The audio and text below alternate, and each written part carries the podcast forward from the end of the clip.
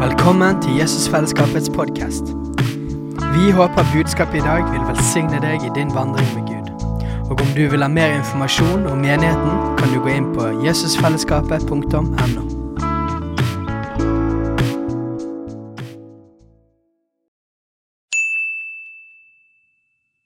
Hei! Visste du at Jesusfellesskapet starter en ny bibelskole til høsten? Den heter Jesusskolen og starter den 3. september. Gå inn på jesusskolen.no for mer informasjon.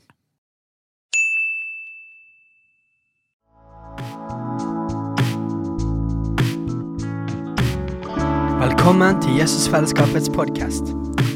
Vi håper budskapet i dag vil velsigne deg i din vandring med Gud. Og om du vil ha mer informasjon om menigheten, kan du gå inn på jesusfellesskapet.no. Så Jesus' sin undervisning er jo ikke her om faste i det hele tatt. eller jo, det, det, sånn, det, det handler mer om ikke driv og prøv å vise deg, og vis deg som hellig og fantastisk og alle tingene du gjør, for å få ære av mennesker. Så han snakker egentlig om ære av mennesker, ære av Gud istedenfor ære av mennesker. Det er jo på en måte poenget i, i, i undervisningen her. ikke det? Men det interessante med undervisningen er at i vår kontekst så er det noe helt annet som kommer fram. For dette her Jo da, det, det, husk på dette her når du faster. Men problemet med oss det er at vi faster jo ikke. Så det er at eh, liksom For at du skal få med poenget med det som sier om faste her, så funker det først du tar en kultur av faste.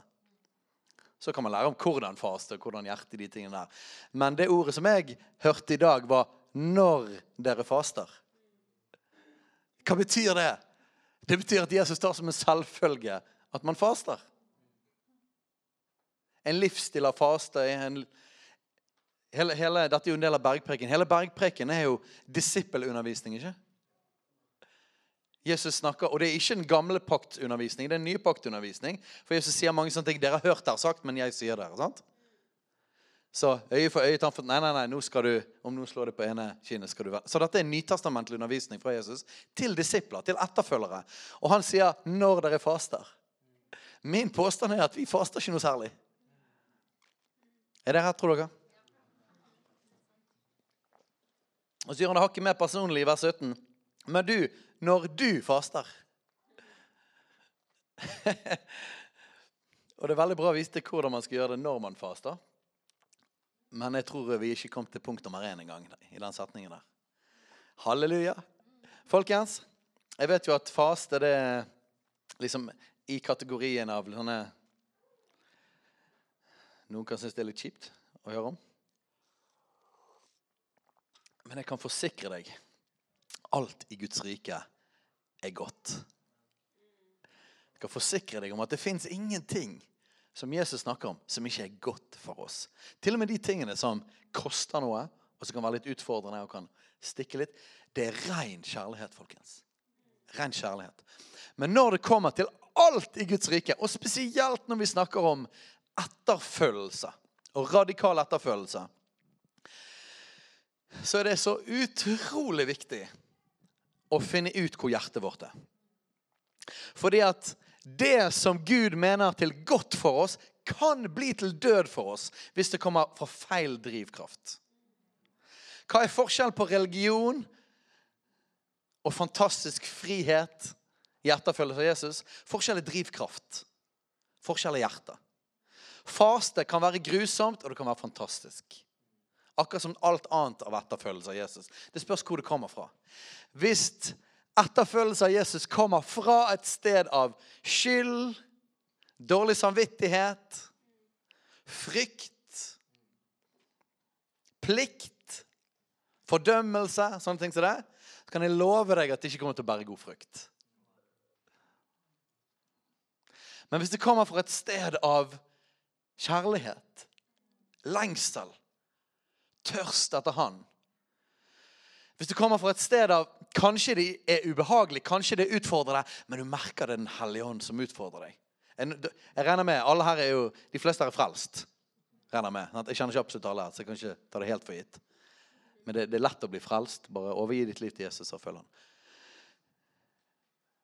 Men vi snakker til, som utgangspunkt at vi er frelst. Så det betyr at når du blir frelst, på et eller annet tidspunkt, iallfall når du overga ditt liv til Han, og definitivt seinere òg i vandringen med Han, så er jeg helt sikker på at du har opplevd Den hellige ånd si ting til deg som var ubehagelig, du egentlig ikke hadde lyst til det, men du har egentlig lyst til det.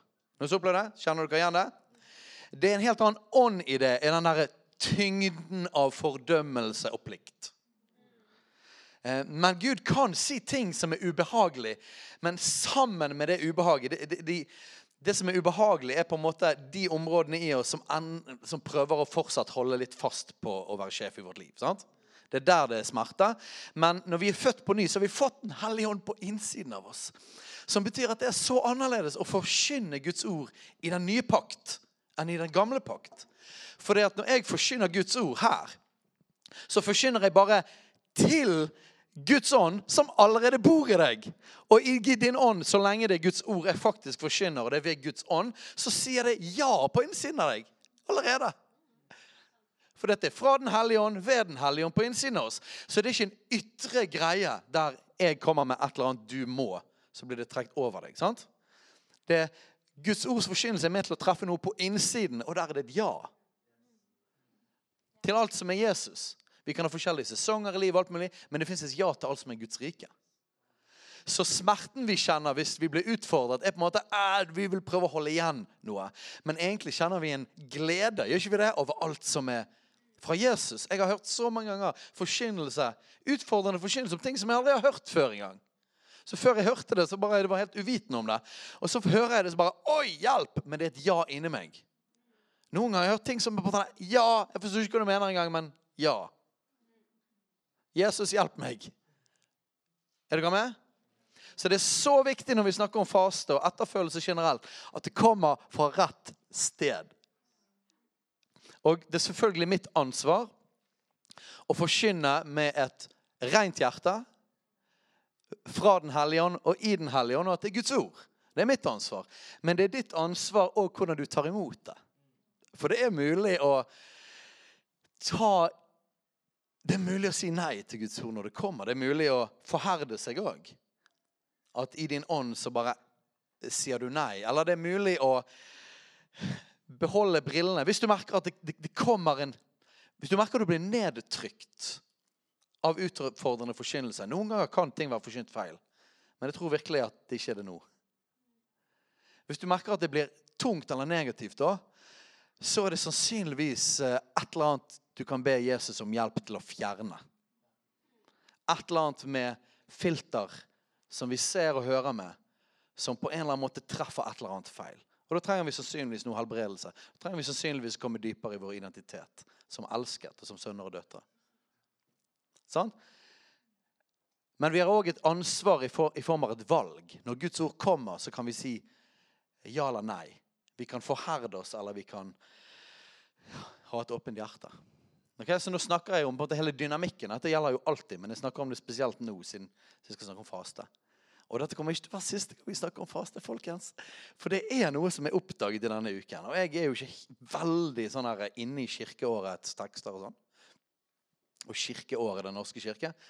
Men, men, Gud begynte å tale til meg mer og mer om faste. Og denne uken talte han spesifikt til meg om en 40 dagers faste. Ikke for mat og drikke. Det skal jeg si etterpå. i tilfelle noen var redd. Jeg tror på det òg, altså. Men det er ikke det vi skal. Men han talte meg om en 40 dagers faste. Og så uh, snakket jeg med en fyr, og så snakket han om fasteåret. Jeg bare, what? Ja. For jeg husker jo det at det var noen sånne fastelavnsboller som du spiste hos uh, svigers forrige søndag, var det det? Og, og eh, er ikke det litt morsomt? Fastetiden, da. I norsk kultur. Vi er jo en kultur som har nok mat, har ikke vi det? Vi har nok mat. Jeg vet vi har nok mat. Jeg har nok mat. Vi har jo mer mat enn vi trenger. Spesielt usunn mat har vi masse av. Så det vi har fått ut av fasetiden, er jo den ene tingen det ikke står noe om i Bibelen. Det er spisingen rett før fasten og rett etter fasten. Er ikke det herlig? Alle spiser av de her bollene med krem i, men det er ikke så mange som faster. Eh, men så jeg husker noen sånn fastetid. Ja, det var noen boller nå. det var noe det.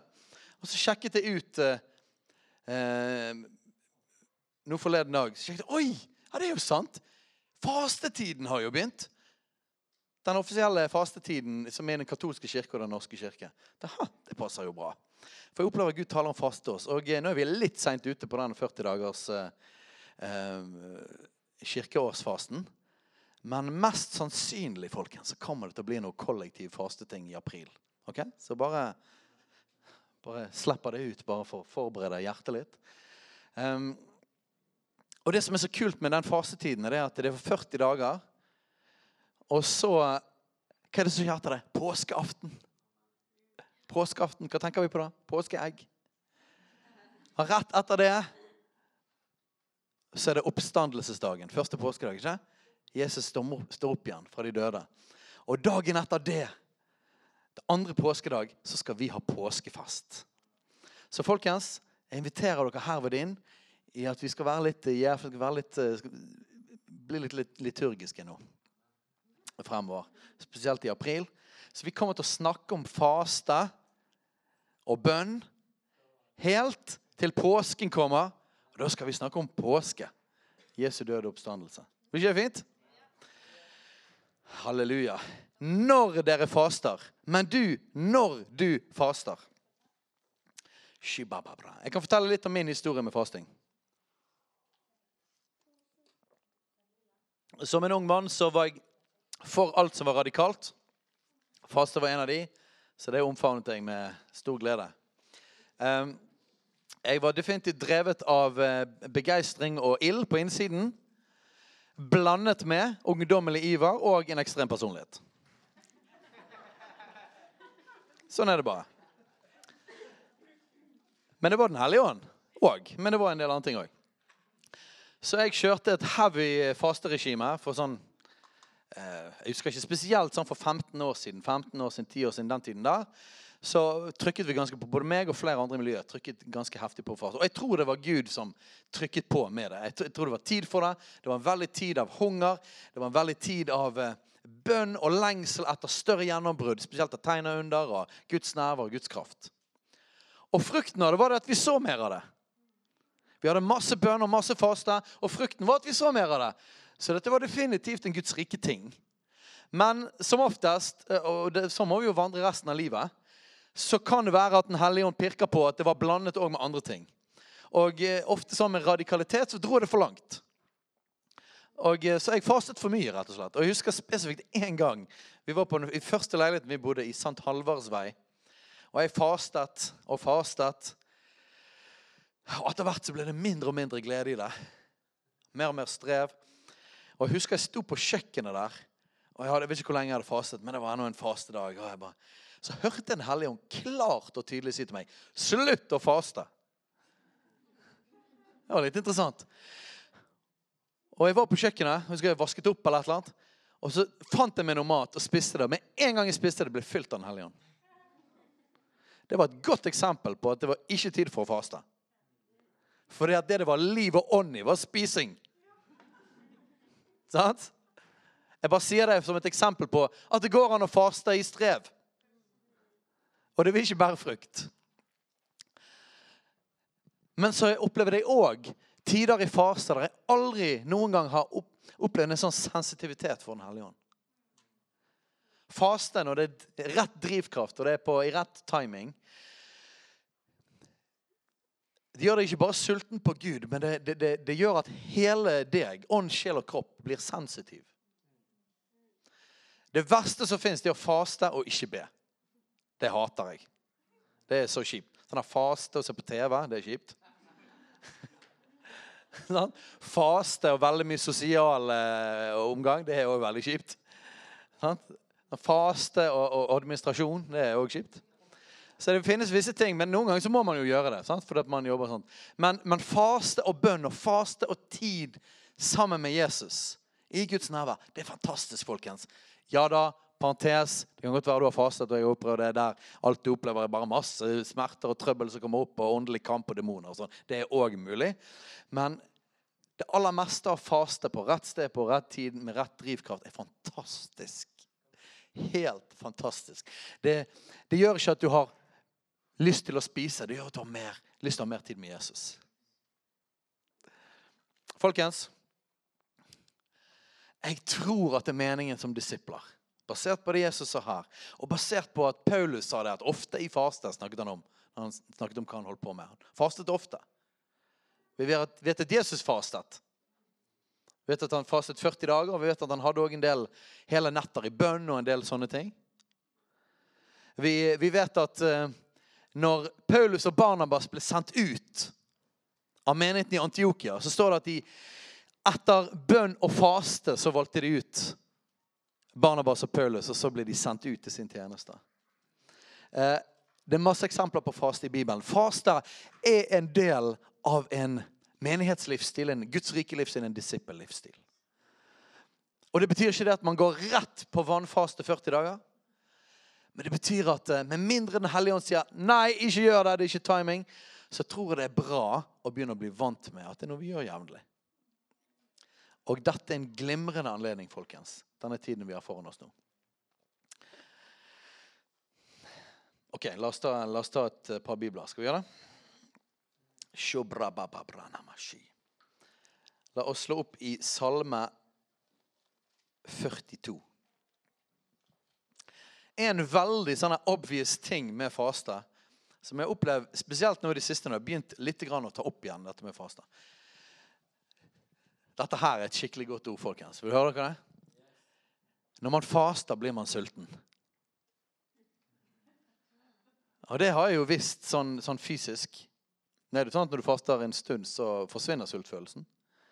Eh, og det er veldig fint. Men dette er et ord til dere. For jeg var litt sånn at Gud, skal begynne med fastegreiene med en gang? Skal ikke vi snakke mer om sult? Nei, jeg opplevde at Gud sa 'når dere faster'. Og dette er hovedgrunnen til at jeg begynner å snakke om dette nå.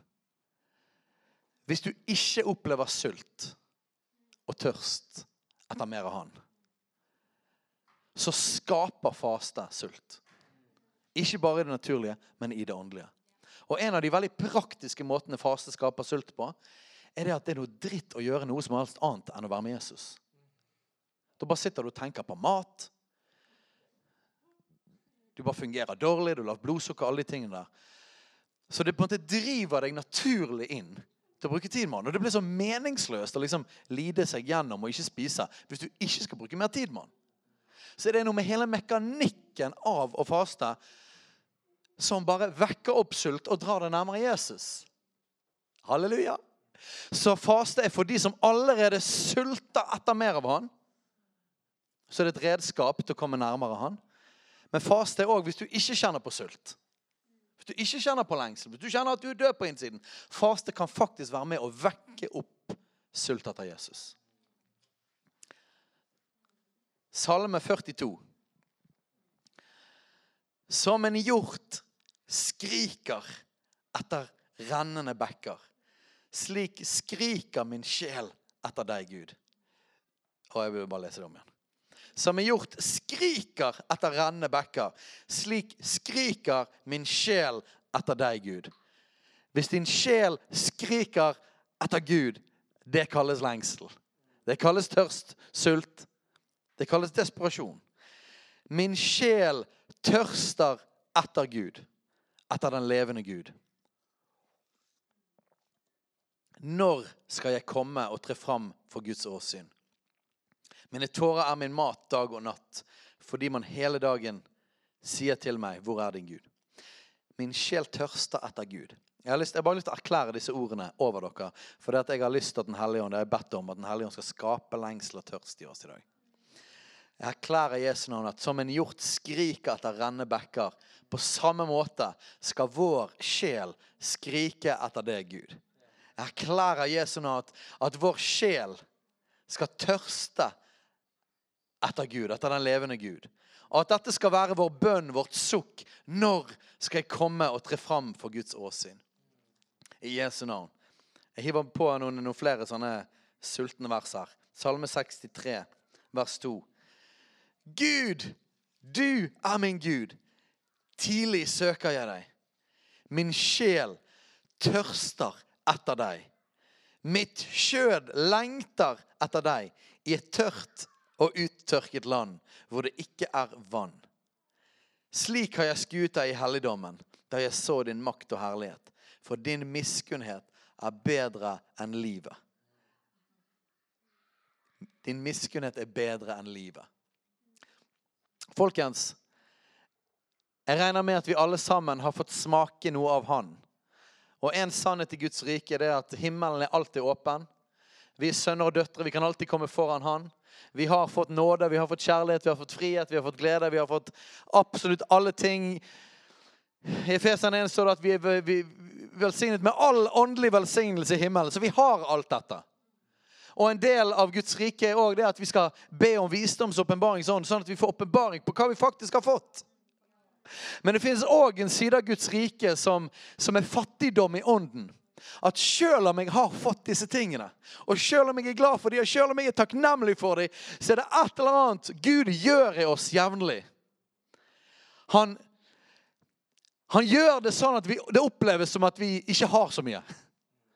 Han gjør oss fattige i ånden. Han, han, tar oss til et sted der vi ikke er tilfreds. Han, han gir oss glimt av hvor mye mer som fins. Og de tingene gjør han i oss. Det, det kalles sult, det kalles størst. Det gjør han i oss for å drive oss inn i bønn. Og hvorfor det, da? Fordi at han har lyst til å gi oss det. Så først skaper han sult og lengsel som driver oss inn i bønn. Og så driver bønnen oss inn til han. Og inne hos han og i bønn, der får vi det vi ber om. Basically, sult er i seg sjøl et profetisk løfte om hva vi skal få. Jeg vet ikke om du skjønte det. Hvis du er sulten, så er det et profetisk ord, et løfte om at han har tenkt å gi deg noe. For vi kan ikke skape sult sjøl. Det er alltid ved Den hellige ånd. Sult er at han har satt i gang en prosess av å dra oss nærmere inn til han. Sånn at vi søker han, sånn at vi får han. Og jeg tror, folkens, vi har fått mye. Jeg har fått mye i mitt liv. Men jeg tror at denne tiden og 2019, det er et tid for å søke hans ansikt. Det er tid for mer. Det er en tid for bønn. Det er en tid for faste. Og det interessante er at Jeg trodde personlig det hadde bare med vår vandring som Jesusfellesskapet. Men så har vi vært litt rundt omkring, både i Bethel og vi snakket med Rachel og Gordon spesielt. De snakket om så mye om at 2019 er et forberedelsesår, det er et år for bønn. Og 2020 er et innhøstningsår. Interessant. Det er faktisk det jeg har opplevd at vår syklus òg som menighet. Men det virker som det er noe mer enn vår menighet, og det er veldig fint. Det samme tingene som Øystein, Øystein fortalte om, og Outcry. Og Vi opplever at dette ropet av bønn Jeg bare hører det igjen her og der, her og der, flere og flere steder. Et sultverk til. Er dere klar for det?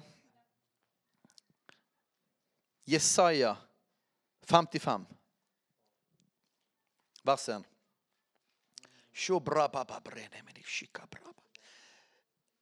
Nå vel, alle dere som tørster, kom til vannene. Utropstegn. Kom, kom, kom. Kom, folkens. Kom. Og dere som ingen penger har, kom, kjøp og et. Ja, kom og kjøp uten penger og uten betaling vin og melk. Halleluja. Katrin liker vin, jeg liker melk. Drikk dere ikke drukne av vin, men blir fylt av ånden. Men det er lov til å drikke noe vin. Men jeg liker veldig godt melk. Hva er vin og melk bildet på? Vet du hva det er? Halleluja. Dere vet at uh, israelittene skulle føres inn i et land som fløt over av melk og honning. Er noen av dere som Hvis dere var forkjølet, så fikk dere varm melk med honning? Et land som flyter av melk og honning. Det gjorde jo ikke det. Det var ikke melk og honning der noe særlig. Så hva betyr melk og honning? Det betyr overflod. Det betyr velsignelse.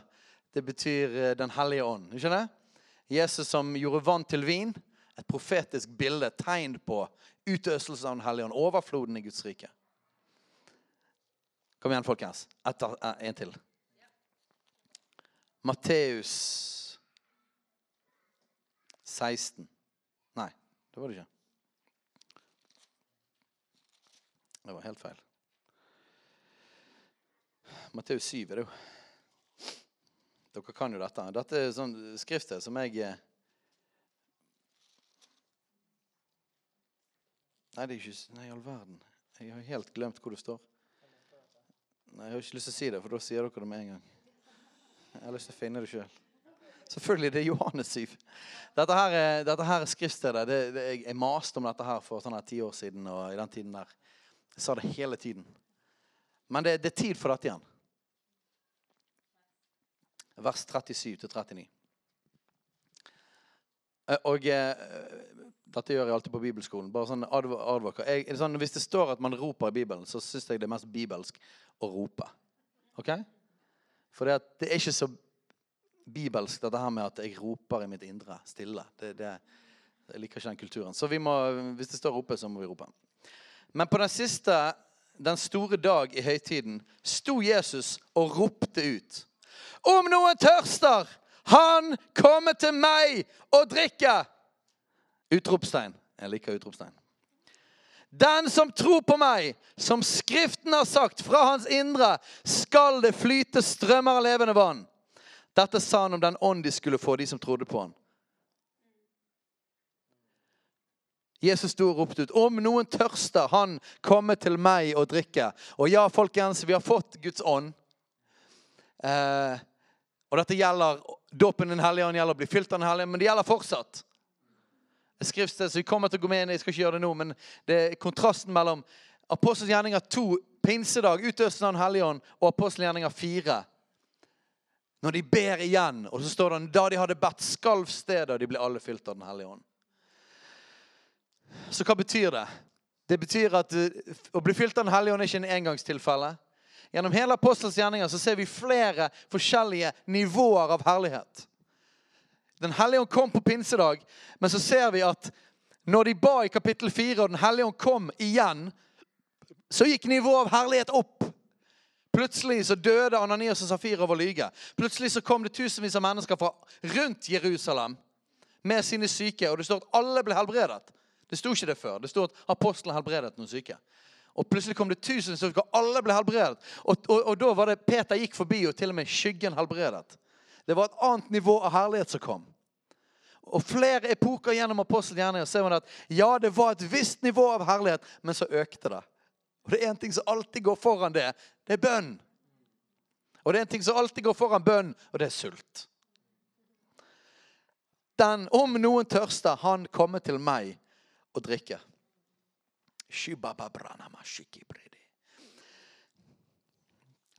Hvis dere eh, kjenner meg godt, så vet dere at jeg alltid slitt med å ha, gode spisevaner. Så, eh, men jeg vet iallfall hva som er riktig, selv om jeg ikke lever det. Og det er det at man skal spise litt ofte, ikke sant? Er ikke det det de sier? Jeg er litt mer den som eh, ikke spiser i det hele tatt veldig lenge, og så spiser jeg sinnssykt mye. Og det er ikke så bra. Men jeg har oppdaget en ting, og jeg har erfaring med dette. her. Hvis du ikke spiser, vet du hva som skjer da? Ja, først kan du bli litt sulten. Men hvis du trosser det, så mister du sultfølelsen. Og, opp, og Derfor har jeg kunnet sant, lange perioder i mange år. Jeg gjør ikke det nå. Men i lange perioder så kunne jeg gå og ikke spise omtrent før klokken fire om dagen. Rundt klokken tolv og sånn var ganske ubehagelig. Men hvis du bare kom deg over og bare jobbet litt mer, fokusert på noe annet, så mistet man sultfølelsen. Men jeg ble helt sinnssykt sulten på ettermiddagen. Og da måtte jeg ha liksom, først en middag og så en middag til om kvelden. Halleluja. Jeg vet at det ikke er bra. En interessant ting er det at eh, hvis man spiser frokost, vet du hva som skjer da? Man blir så mye sulten igjen med en gang. Det går bare et par timer, så blir man sulten igjen. Og så blir man sulten igjen. Jeg har hørt at det kalles liksom forbrenning og system og sånn. Hva er poenget mitt? Det funker sånn i ånden òg. Hvis du ikke spiser, så er du sulten i begynnelsen. Men hvis du klarer å trosse det, bare se litt mer på Netflix, så mister du den åndelige sulten. Og så føler du ikke det lenger. Og så kan du faktisk gå utsultet i ånden i årevis. Og du vet ikke at du er nær døden. Men hvis du spiser, så blir du sulten igjen raskt. Det som skjer når du, når du drikker Den hellige ånd, når du spiser Guds ord, når du spiser og drikker av hans nærvær, det som skjer da, det er at eh, du blir avhengig av å hele tiden få mer.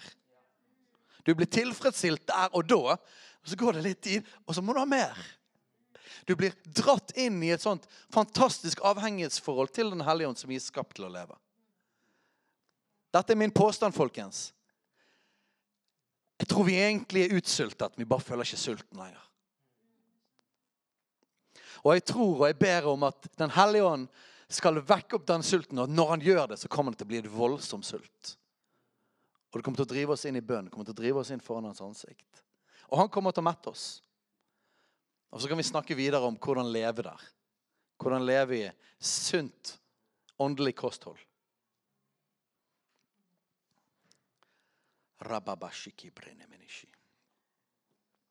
Aller siste vers her. Skal vi slutte? Har du et eller annet som du har bedt om over lang tid, men du har ikke sett gjennombrudd på? La meg se en hånd hvis det er noe som Vi har noen sånne ting. Markus 9.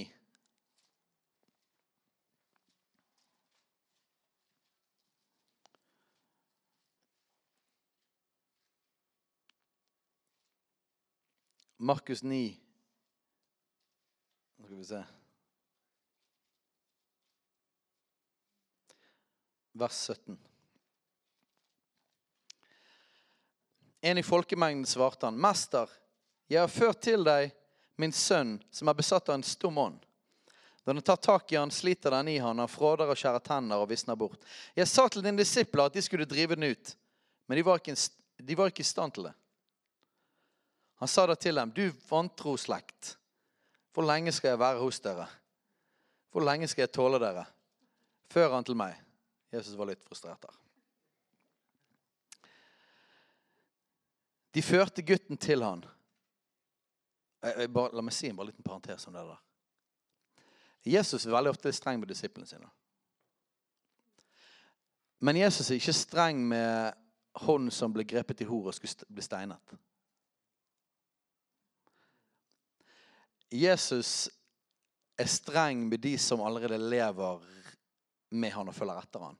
Har allerede et fundament av at man har opplevd nåde og kjærlighet.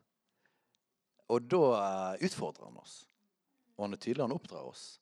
Men det er på et fundament av at vi er elsket. Men med de som aldri hadde møtt han, og de som var nedtrykt av skyld, de sa han aldri 'du vantro og vrangeslekt'. Han sa aldri det. Han kom alltid med nåde og kjærlighet til dem. Så bare vite at når Jesus er sånn, det, det, er et tegn på at de er kommet en viss distanse til disippellivet sitt. Som gjør at det er et trygt fundament at Jesus kan si sånne ting på. Så Jesus kan være tydelig, men det er litt forskjell på. Så hvis du er i en sesong av at du er bare totalt utslått, og det eneste du trenger, er å høre at han elsker deg og nåde, så er det sannsynligvis det han sier til deg. Og så er Den hellige ånd veldig god til å trykke på når det er tid for det. Ok? Men Jesus kunne være utfordrende. De førte gutten til han, og da han så Jesus, begynte straks ånden å rive og slite i gutten, så han falt til jorden og velte seg og frådet. Og han spurte, og han, og han spurte hans far hvor lang tid hadde vært slik med han. Han svarte fra barndommen av. Ofte hadde han kastet han i ild og i vann for å gjøre ende på han. Men om du kan gjøre noe, ha medynk med oss og hjelp oss. Jesus sa til han, om du kan tro, alt er mulig for den som tror. Straks ropte guttens far, 'Jeg tror!' Hjelp min vantro! Da Jesus så at folket stimlet sammen, truet han den urene ånd og sa til den, du stumme og døve ånd, jeg befaler deg, far ut av han og gå aldri mer inn i han. Da skrek den høyt og slet hardt i han og for ut av han. Han lå som livløs, og mange sa, han er død. Men Jesus grep han ved hånden og reiste han opp, og han sto opp. Og da han var kommet i hus, spurte hans disipler han i enerom, hvorfor kunne ikke vi drive den ut? Han sa til dem, dette slag kan ikke bli drevet ut uten ved bønn og faste. Dette slag kan ikke bli drevet ut uten ved bønn og faste. Det fins to tolkninger på akkurat den der, og begge har basically samme konklusjon. Den ene er at denne type demoner kan ikke drives ut uten med bønn og faste, for det var en viss styrke på den òg. Og det fins forskjellige styrker og åndelige av åndsmakter. Enten betyr det det, eller så betyr det at dette slag, hva da? Vantro. Kan ikke bli drevet ut uten med bønn og faste. Det er for så vidt det samme, kaller de det, for det har samme resultat. Bønn og faste driver ut vantro, eller bønn og faste gir autoritet. Det er ikke alltid det er tid for bønn og faste, men jeg har opplevd for mitt liv, og jeg tror at det er kollektivt for oss òg, at det er visse slag som ikke drives ut uten ved bønn og faste. Og det er visse gjennombrudd og det er visse ting i Guds rike som vi rett og slett bare ikke får uten bønn og faste. Ok, Helt, helt til slutt. Det er mye forskjellig man kan faste. Jeg kommer til å nevne dette og snakke om det i søndagene fremover. Men det fins ikke bare faste fra mat. Eh, det fins òg faste fra Vi skal ha en 40 dagers faste nå. Fra, um, fra media, TV. Uh, for det trenger vi. Uh, og så var det en annen ting. Jeg kommer ikke på de. Vi har en litt sånn, ja, sukker og søtsaker. Uh, og media. Jeg skal faste fra nyheter, som jeg elsker å se på nyheter. Jeg er ikke sånn sosial mediefrik, men jeg er sånn her nyhetsfrik. Jeg vet ikke hvor mange ganger om dagen jeg sjekker eh, BT, NRK, Aftenposten og VG. Eh, så det skal jeg kutte. Um, og NB, hvis noen lurer på, siden det sto i det første verset jeg leste, at uh, ikke uh, når du faster, ikke gjør det for å Det er lov til å snakke om at man faster. Eh, drivkraften bak det, det er det Jesus snakker om. Det er mange ganger det står om at Jesus fastet. F.eks. de 40 dagene. Hvis han ikke kunne si det, så hadde det ikke stått i Bibelen. Paulus og flere andre der står det at de faster. Så det er ikke noe farlig. Men det står, det står om drivkraften bak. Sånn I tilfelle du er redd for at man snakker om det. For vi skal snakke masse om fasting fremover. Snakke om praktisk hvordan gjøre det. Men fasting handler om å legge til side et eller annet som er utgangspunktet, er en bra ting. Men du legger det til side for å få mer av Han. Mer tid med Han, men òg det er et åndelig offer legge til side noe fordi at Gud, selv om disse tingene er bra, sånn som mat, så er du bedre og du er viktigere for meg. Det handler òg om at hvis det er ting som eh, er oppe der og truer førsteplassen til Jesus, så kan det være bra å bare avsette de eh, av myndigheten eh, en liten periode. Sånn at du vet at ikke de, sånn de ikke får prøve seg på å være herre i livet. Det kan være bra å faste fra ting som man er bundet av eller er for knyttet til. det men i utgangspunktet ikke ting som er feil. Det er ting som i utgangspunktet kan være helt greie ting og kan være bra ting. Men satt det til side for å søke Gud mer.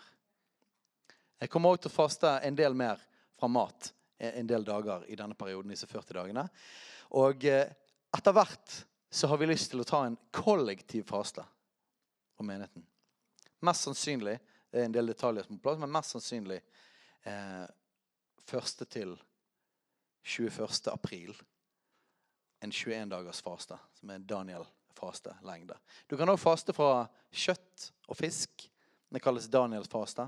Bare spise grønnsaker og frukt. Det fins masse varianter som vi skal gå inn i. Men eh, nå kan vi reise oss opp.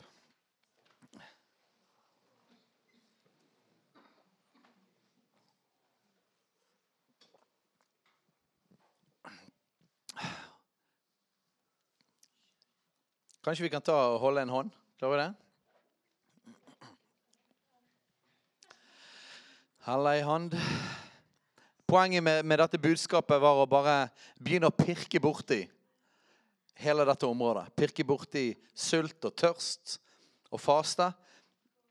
For å rydde litt vei, sånn at Den hellige ånd kan begynne å jobbe med oss i dette her de neste ukene. Og sånn at det kan gjøre noe virkelig for vårt liv personlig og for menigheten. Så Jesus, jeg ber om at eh, Jeg ber rett og slett om at du skal kalle oss inn dypere med deg. Jeg ber at du skal eh, kalle oss til side. Sette oss til side. Sånn at vi kan søke, søke deg mer. Og Jesus, jeg ber om at der det ikke er sult, så ber jeg at du skal vekke det opp. Der det fins lammelse fordi at vi har holdt oss lenge unna, eller vi, vi ikke vet at vi er utsultet fordi vi har gått uten sultfølelse en, en periode. Der ber jeg nå at du skal bare trekke det til siden. At det skal begynne å vokse i oss. Og Gud, vi vil ikke, jeg vil ikke at faste og bønn skal være ut av disiplin. Jeg ber at det skal være født av deg, og at du skal dra oss inn. Så kom Helligånd og blås på oss. Anders, kunne du komme fram?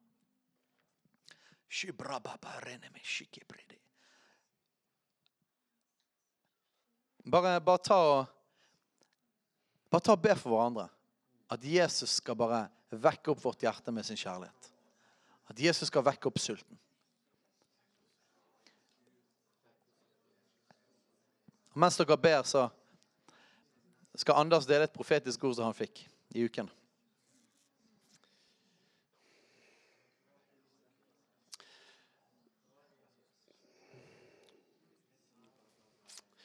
På eh, bønn og eh, fastekveld som jeg hadde på mandag, så spurte jeg Gud om han hadde noe han ville dele med Jeff. Og da så jeg et veldig rart, eh, veldig rart fiskeredskap. Eh, det, så, det så ut som et vanlig fiskestong, bare med utrolig mye mer finesse og mye mer avansert. Dette her var et utrolig effektivt eh, fiskeredskap. Han hadde sinnssykt mange kroker og kunne fange enormt mye. Men Gud fortalte at uh, dette redskapet hadde blitt ødelagt. Det hadde havna ute i sjøen, og det var vekke. Men redskapet var nå tatt opp igjen, og folk sto og fiksa på dette redskapet. Og måten folk fiksa på det, Jeg så at folk drev og knytta på kroker igjen på redskapet. Så spurte jeg Gud hvordan ser dette ut? Hvordan ser det ut at vi driver og fikser på dette redskapet? Og så sier han med vanlig menighetsarbeid. Og så sier jeg hvordan ser det ut?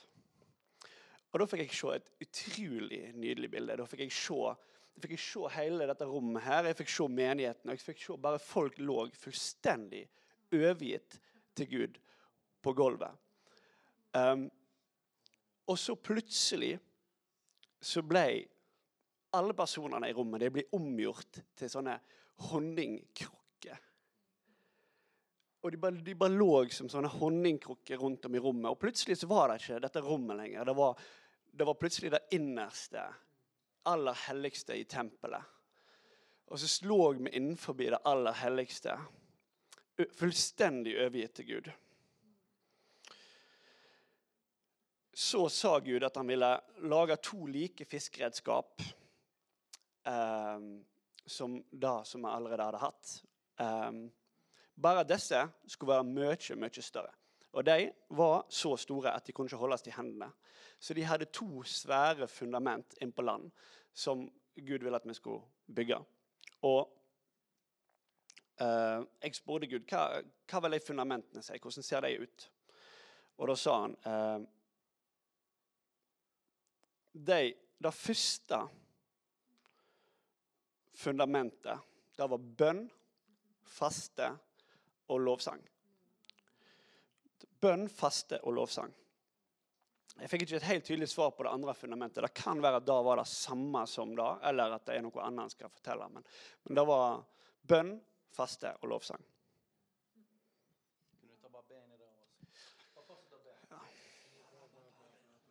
Kjære Gud, takk, Herre, for at det som er gjort, ble ødelagt, da skal du gjenopprette, Herre. Takk, Herre, for at eh, du skal bare øke vår tøst og vår hunger etter å si ja og amen til dine planer, Herre. Til det du har kalt oss inn i, Herre. Herre, la oss gå i tråd, Herre, med alle planer du har for oss, Herre. Med alt du har tenkt å gjøre, Herre, i den tida som kommer, Herre. Skap i oss en hunger. Skap i oss, Herre, en lengsel etter mer av deg, etter mer av ditt rike til Jeg bare ber, Herre, sett oss fri fra normale, kjedelige liv. Og la oss overgi oss fullstendig til deg, Herre. La oss slutte å leve for oss sjøl, men la oss leve for ditt rike, Herre. La oss leve med å se, Herre, ditt rike innta jorda, Herre, og vår hverdag. Et par minutter til. La oss bare be et par minutter til, så er vi ferdig. Jesus, kom og vekk dette opp i oss, Herre. Vekk opp bønnen, Herre. Herre, vi ber at det ordet skal gå ut, og det skal skape det det sier, Herre. Fød dette fram i oss, Herre, ved din ånd, Herre, ved ditt ord, Herre. Jesus, vi, vi får ikke det til sjøl, men jeg vil si for mitt liv her, jeg vil si at jeg er, jeg er tilgjengelig, Herre. Jeg står her, jeg sier ja til det, Herre. Skap det i meg, Herre. Skap det i oss, Herre. Jeg ber at du kommer med en bølge, Herre. En bølge av din kraft, Herre. En bølge av ditt nærvær. En bølge av din godhet, en bølge av din kjærlighet, Herre. Og slår over oss, Herre. Og Jeg ber at vi skal få smake og erfare et nærvær, en herlighet, Herre, som vi aldri har gjort før, Herre. Jeg ber om at du kommer, og at du utøser din ånd over oss, Herre. Utøs din ånd over oss, Herre. Fyll denne her skinnsekken, vinsekken, med din vin, Herre. Fyll dette tempelet, Herre, med din herlighet. Vekt opp i oss, Herre. Erklærer Jesu navn. Overalt der det er sluknet og der det er dødt. Det skal tennes på nytt igjen i Jesu Kristi navn. Det skal tennes på nytt igjen. Det skal tennes på nytt igjen. Jeg erklærer en glede i bønn, Herre. Glede i bønn. Det skal være gøy å be, det skal være gøy å tilbe deg. Gøy å søke ditt ansikt, Herre. Jeg klarer en, en sult og en lengsel etter å lese ditt ord, Herre. Jeg ber om at ditt ord skal åpne seg for oss igjen, Herre. I Jesu Kristi navn. En ny lengsel. En ny tid. I Jesu navn. Amen. Hei, alle sammen. Det er Katrine og Steinar Lofnes her. Vi er hovedledere for Jesusfellesskapet. Så kjekt du har lyttet til denne podkasten. Har du forresten hørt noen av de andre podkastene våre? Ukens tale, Disippelskolen, Hyrdepodden, Kulturkrigen og Mammas hjerte. Du finner disse podkastene på Spotify, Apple Podkaster og på nettsiden vår jesusfellesskapet.no.